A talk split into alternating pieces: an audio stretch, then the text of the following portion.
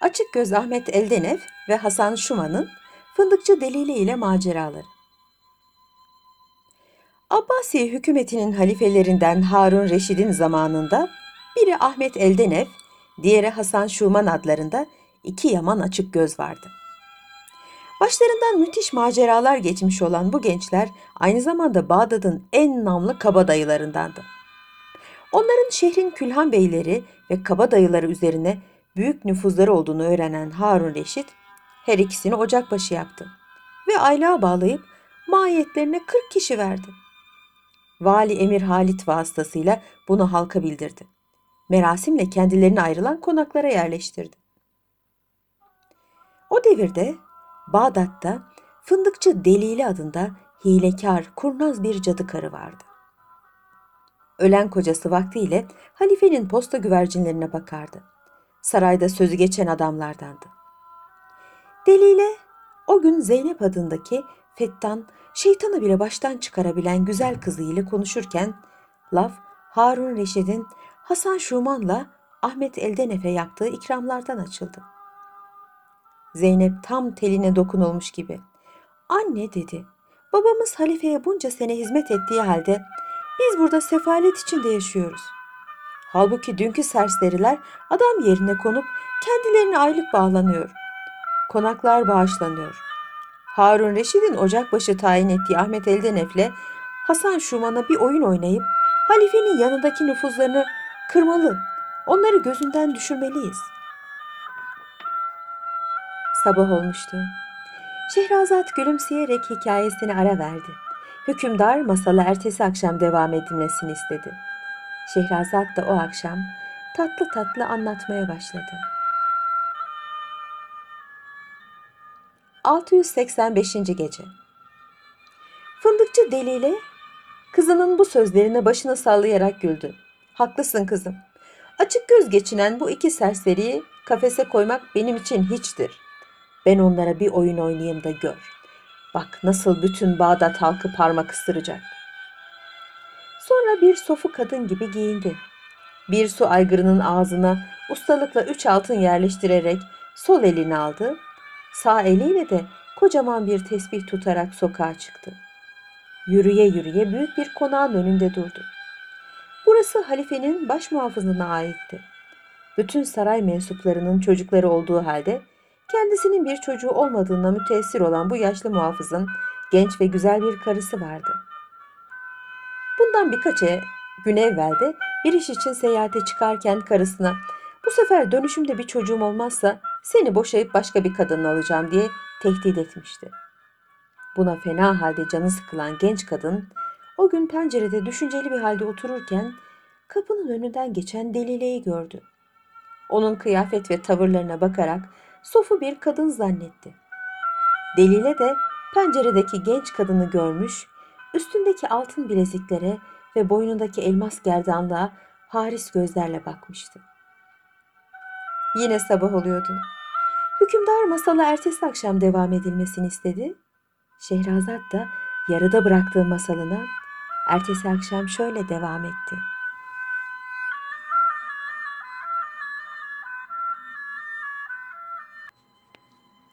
...686. Gece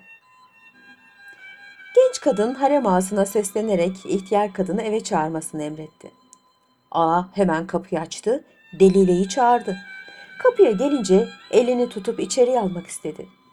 Delile sert bir tavırla onu reddetti ve yanıma yaklaşma abdestin bozulur diyerek ona sürünmeden içeriye girdi.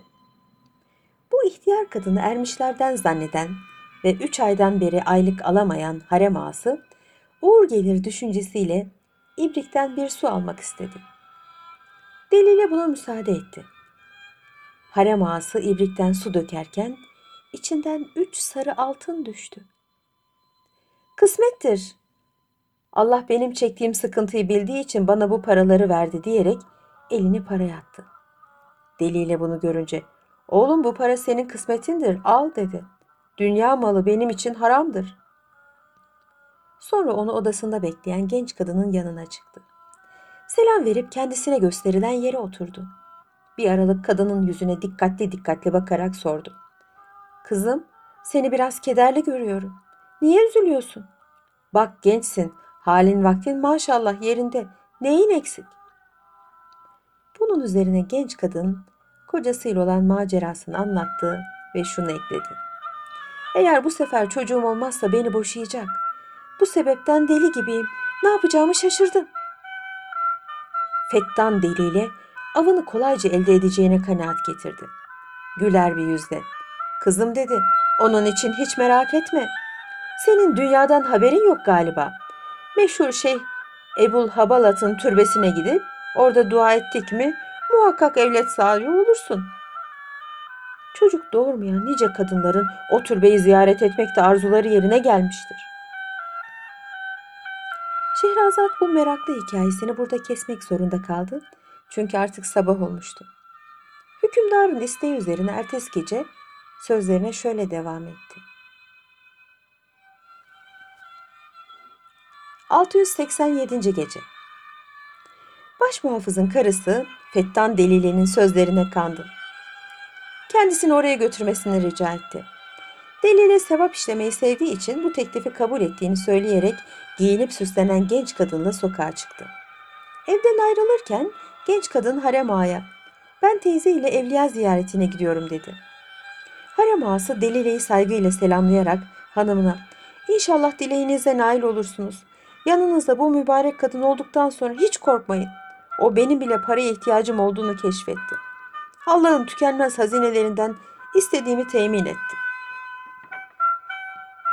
Yolda deliyle boyuna genç kadına ziyaret edecekleri evliyanın kerametleri hakkında izahatler veriyor. Bir taraftan da bu kadını nasıl soyup üstündeki altın ve mücevheratı alacağını düşünüyordu. Deliyle önde, genç kadın biraz geride yola koyulmuşlardı.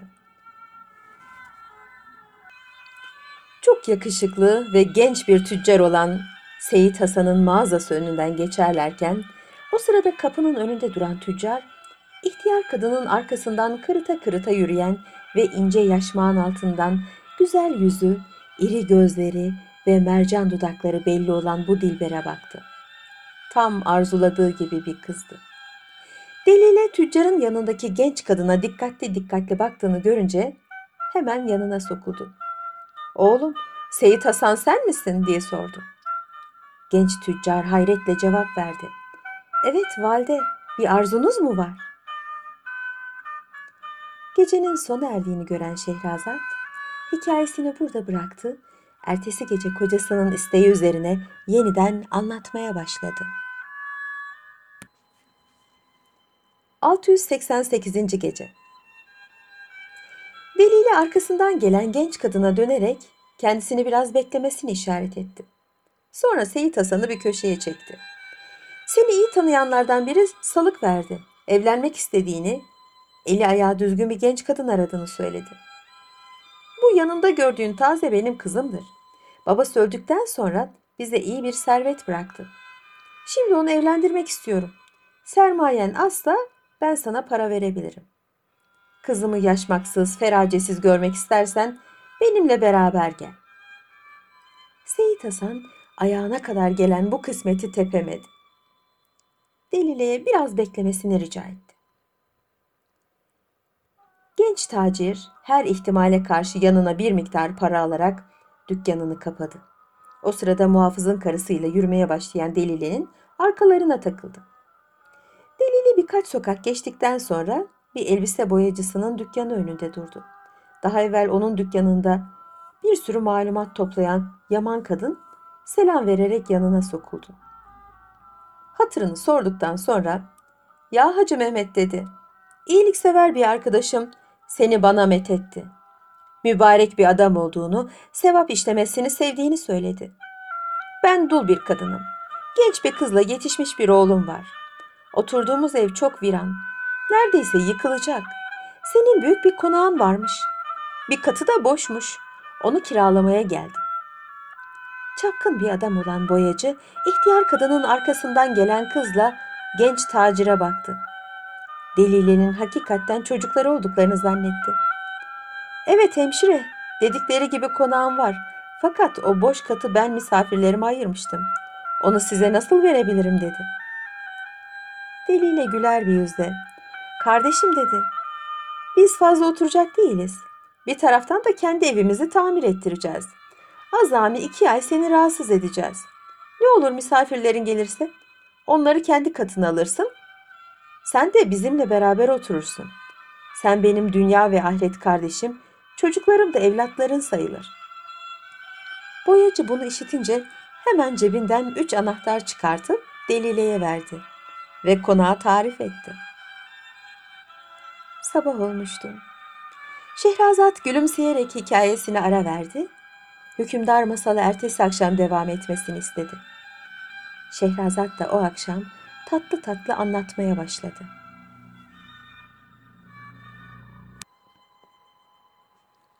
...689. Gece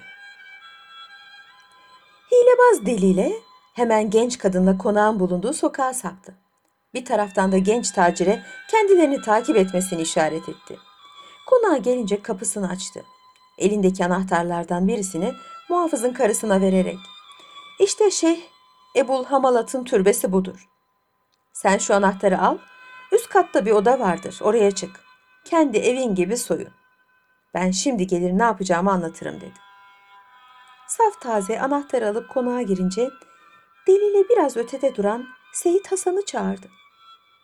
Onu konağın alt katında bir odaya sokarak orada biraz beklemesini istedi. Deliyle genç taciri aşağıda bıraktıktan sonra muhafızın karısının yanına çıktı. Kadın onu görünce başka ziyaretçiler gelmeden Evliya'yı ziyaret etmek istediğini, onun için bir an evvel kendisini türbenin bulunduğu yere götürmesini rica etti. Delile, peki kızım dedi. Yalnız biraz sonra türbedar gelecek. Çok müteasıf ve aksi bir adamdır. Seni böyle süslenmiş görürse burası düğün yeri değildir deyip kızacak. Onun için üzerindeki altın ve mücevheratı ve ipekli elbiseni de çıkar. Yoksa şey Ebul Hamalat'ı ziyaret edip muradına eremezsin. Bunun üzerine genç kadın ziynet eşyalarını ve ipekli feracesini çıkarıp Delile'ye verdi. İhtiyar cadı onları bir yere sakladı. Sonra aşağıda bıraktığı tüccarın yanına gitti. Üstündeki ağır elbiseleri çıkarmasını ve böylece kızının yanına çıkmasının münasip olduğunu söyledi. Gözlerini aşk bürümüş olan genç tacir, delilerin teklifine itiraz etmeden soyundu. Elbiselerini ve cebindeki parasını ihtiyar kadına bırakıp yukarıya çıktı. Deliyle her ikisinin elbise, para ve kıymetli mücevheratlarını alarak konağın kapısını kapayıp oradan ayrıldı. Eşyaları bir aktarın yanına emanet bıraktı. Yine sabah oluyordu. Hükümdar masalı ertesi akşam devam edilmesini istedi. Şehrazat da yarıda bıraktığı masalına ertesi akşam şöyle devam etti.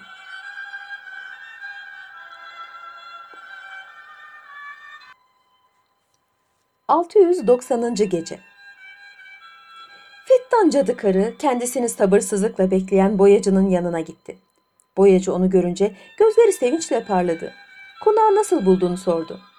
Deliyle evi çok beğendiklerini söyledi. Sonra bir altın vererek şu teklifte bulundu.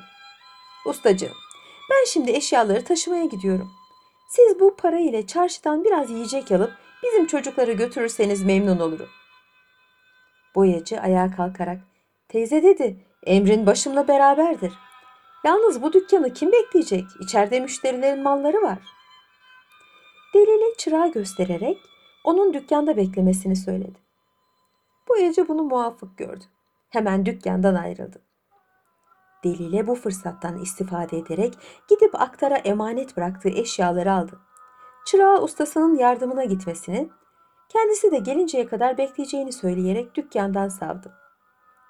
Delile dükkanda yalnız kalınca orada bulduğu elbiseleri bir bohçaya koydu. Oradan geçmekte olan bir eşekçiye bir altın vererek bu dükkanın sahibi olan oğlum iflas etti. Yarın gelip mahkemeden haciz koyacaklar. Bari el alemin elbiseleri de gitmesin. Şunları bizim eve taşıyıvereyim. Ben gelinceye kadar sen şu takımlarla tezgahı yıkıver dedi. Merkebin sahibi bu sofu kadının sözlerine inandı. Merkebini ona teslim etti. Deliyle kızının yardımıyla getirdiği eşyaları eve yerleştirdikten sonra kızım dedi bugün dört kişiye oyun oynadım. Muhafızın karısı, genç tacir, boyacı, Buraya merkebiyle eşyaları taşıdığım hamal. Zeynep bunu işitince irkildi. Anne bunları aldattıktan sonra sen artık sokağa çıkamazsın ki. Karısının mücevheratını ve ziynet eşyalarını aldığın muhafızın karısı, parasını ve elbisesini soyduğun genç tacirle müşterilerinin elbiselerini çaldığın boyacı bir olup senden davacı olurlarsa ne yaparsın? Deliyle omuzlarını silkti. Hepsi bana vız gelir. Ben yalnız merkep sahibinden korkuyorum. Çünkü beni ve evimi o tanır. Diğerlerinin bulmaları imkansızdır. Şehrazat bu meraklı hikayesini burada kesmek zorunda kaldı. Çünkü artık sabah olmuştu. Hükümdarın isteği üzerine ertesi gece sözlerine şöyle devam etti. 691. gece. Şimdi gelelim boyacıya. Delili'nin yalanlarına inanıp çarşıdan yiyecek yalan boyacı onları arkasından yetişen çırağına verdi. Onunla beraber konağın yolunu tuttu. Dükkanın önünden geçerken o sırada dükkanın tezgahlarını ve takımlarını yıkmakla meşgul olan merkep sahibini gördü. Kan beynine fırladı. Ne yaptığını sordu. Hamal annesinin buna emrettiğini söyleyerek olanları anlattı. Boyacının hiddeti son derece büyümüştü. Sen ne saçmalıyorsun dedi. Benim annem çoktan öldü. Yaptığın ziyanın tazminini istiyorum ben. Ne yapıyorsun sen? Hamal bunu işitince zıvanadan çıktı. Annem öldü deyip beni atlatmaya çalışma. Ben merkebimi almadan şuradan şuraya bir adım atmam. Boya ile boyacı, merkeple eşek sahibi. Bir kavga başladı ki etraflarını hep insanlar sardı. Herkes merakla bu kavganın sebebini sordu. Nihayet içlerinden birisi boyacıya döndü. Peki bu adamın merkebini alan kadın madem ki senin annen değilmiş neyin oluyor dükkanını ne diye ona teslim ettin? Bu soru boyacıyı uyandırmıştı. İşin doğrusu o benim kiracımdır. Sabahleyin kızı ve oğlu ile gelip konağımda boş olan katı tutmuştu diyerek hamalı alıp birkaç meraklıyla beraber konağa gitti. Orada muhafızın karısı ile genç tacirin birbirleriyle kavga ettiklerini, her birisi ötekinden eşyalarını istediğini gördüler. Boyacı onları teker teker dinleyip hadisenin iç yüzünü öğrenince yaman bir dolandırıcı karının oyununa kurban olduklarını anladı. Genç kadına elbise uydurarak evine gönderdi. Gecenin sona erdiğini gören Şehrazat hikayesini burada bıraktı. Ertesi gece kocasının isteği üzerine yeniden anlatmaya başladı. 692. gece. Boyacı felaket arkadaşı genç tacire de bir elbise tedarik etti. Sonra dükkanını kapayarak hamal ve tacirle beraber valinin yanına gidip başlarından geçenleri anlattılar. Vali onların bu şikayetlerine fazla alaka göstermedi. Şehirde binlerce sofu kılıklı yaşlı kadın vardır. Bunlardan hangisini tutalım dedi. Siz düşmanınızı daha iyi bilirsiniz. Onu yakalayın bana getirin. O zaman cezasını veririm dedi. Davacılar bunu işitince Delile'yi aramak üzere Bağdat kazan, onlar da kepçe yollara düştüler. Fındıkçı Delili ise yeni bir av yakalamak maksadıyla bir konak halayı kılığına girerek sokağa çıktı. Bir müddet dolaştıktan sonra bir konağın önünde durdu. İçeriden gelen çalgı sesleri dikkat nazarını çekti. O sırada kucağında bir çocukla kapıda duran bir hizmetçiye orasının kimin konağı olduğunu sordu. Hizmetçi de Bağdat tüccarlarının kahyasının evidir. Bugün de kızının düğünü vardır cevabını verdi. Deliyle cariyenin kucağındaki çocuğun üzerinde bulunan kıymetli elbiseye, boynundaki pırlanta taşlarla süslenmiş maşallaha bayıldı. Çocuğu cariyenin elinden almaya karar verdi. Cebinden bir dinar çıkardı, hizmetçiye vererek, kızım dedi, sana zahmet çocuğu istersen bana bırak. İçeriye gir, hanımefendiye de ki, Ümmül Hayır teyzenin selamı var. Çok işi olduğu için düğüne gelemeyecek. İki gün sonra uğrayacak. İhtiyarlık çok sevdiğim ahbaplarımın adını bile unutuyorum. Sana sormasaydım hatırlayamayacaktım. Hizmetçi delinin bu sözlerine kanarak hakikatten onun bir aile dostu olduğunu zannetti. Çocuğu ona verdi, içeriye girdi. Deliyle hemen çocuğu alıp oradan uzaklaştı. Tenha bir sokağa saparak üzerindeki kıymetli şeyleri aldı, koynuna sakladı. O civara yakın olan kuyumcular çarşısına gitti. Önüne çıkan kuyumcuya, beni tüccarlar kahyası gönderdi. Kızını gelin ediyor. Ona bir çift altın halhal, bir çift bilezik, elmas küpe ve gerdanlık lazım. Çocuk burada kalsın, biraz sonra kendisi gelecek. Hem çocuğu alacak hem de parasını verecek. Sabah olmuştu. Şehrazat gülümseyerek hikayesini ara verdi. Hükümdar masalı ertesi akşam devam etmesini istedi. Şehrazat da o akşam tatlı tatlı anlatmaya başladı.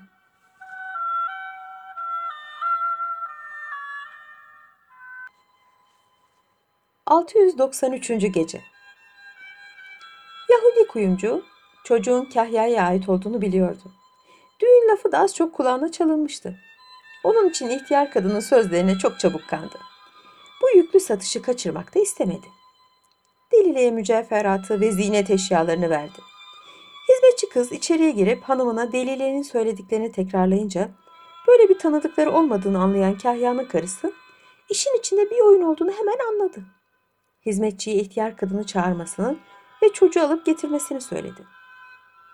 Hizmetçi kız kapıya çıkınca Delile'nin yerinde yerlerin estiğini gördü. Korku ve telaştan çılgına döndü. Çok geçmeden çocuğun annesiyle bütün konak halkı hadiseden haberdar oldular. Bu meçhul ihtiyar kadını yakalamak için evin uşakları sokağa çıkmaya hazırlanırlarken Kahya geldi. Evdeki heyecan ve telaşın sebebini sordu. Olanları anlattılar. Biricik erkek evladının kaçırıldığını öğrenen Kahya hemen sokağa fırladı. Oğlunu aramaya başladı. Kuyumcular çarşısından geçerken oğlunun Yahudi kuyumcunun yanında durduğunu gördü. Sevincinden üstüne başına bakmadan onu kucağına alıp gitmek istedi. Yahudi kendisini önledi. Muhterem Kahya Efendi, borcunuzu vermeyecek misiniz? Ne borcu? Biraz evvel ihtiyar bir kadınla aldırdığınız malların bedelini. Tüccarlar kahyası şaşırmıştı. Kuyumcu muhatabının durakladığını görünce unuttuğunu zannederek ona meseleyi olduğu gibi anlattı. Kahya böyle bir şeyden haberi olmadığını söyledi. Yahudi yaman bir cadı karıya mallarını kaptırdığını fark edince çılgına döndü. Bağırıp çağırmaya başladı. O sırada Delile'yi aramaya çıkan boyacı ile arkadaşları tam da oradan geçiyorlardı. Kuyumcunun feryadını işitince yanına koşup derdini sordular. O da anlattı. Yine sabah oluyordu. Hükümdar masalı ertesi akşam devam edilmesini istedi. Şehrazat da yarıda bıraktığı masalına ertesi akşam şöyle devam etti.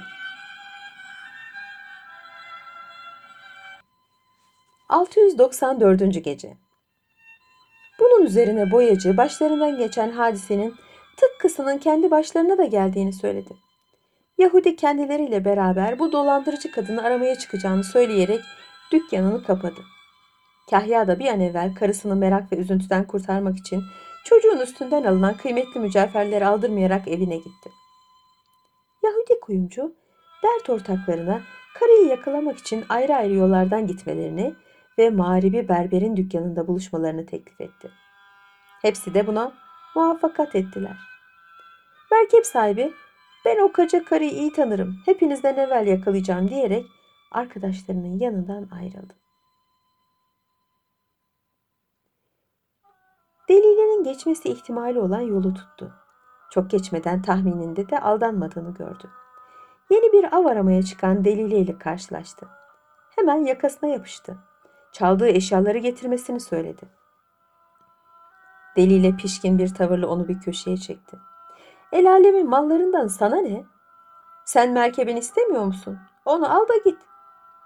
Peki merkebim nerede? Delile o civarda bulunan mağribi berber dükkanını göstererek merkebini bu dükkanda bıraktım. Burada biraz bekle de gidip berbere sana vermesini söyleyeyim deyince kabul etti. Delile ise hemen berberin yanına gitti. Elini öptü ağlayarak. Oğlum dedi, senden bir ricam var. Benim aklı noksan bir evladım var. Merkeplere çok meraklı. Ara sıra kendisine kriz geliyor. Merkebimi isterim, merkebimi isterim diye tutturuyor. Onu büyük bir hekime gösterdim. Bunun azı dişlerini söküp şakaklarına iki ateş damgası vurulmadıkça iyi olmayacağını söyledi. Sana bir kuruş vereyim de bunları yapıver, sevaptır. Merkebin buraya değil, gelsin. Berber baş üstüne, ben onu öyle bir merkep vereyim ki görsün diyerek güldü. Koca karının verdiği parayı aldı. Sonra çıraklarından birine kocaman bir temel çivisini vererek bunu ateşe koymasını emretti. Ve kapıya çıkarak hamalı çağırdı. Hamal berberin dükkanına doğru gelirken Delile de bir gölge gibi kayboldu. Şehrazat bu meraklı hikayesini burada kesmek zorunda kaldı. Çünkü artık sabah olmuştu. Hükümdarın isteği üzerine ertesi gece sözlerine şöyle devam etti.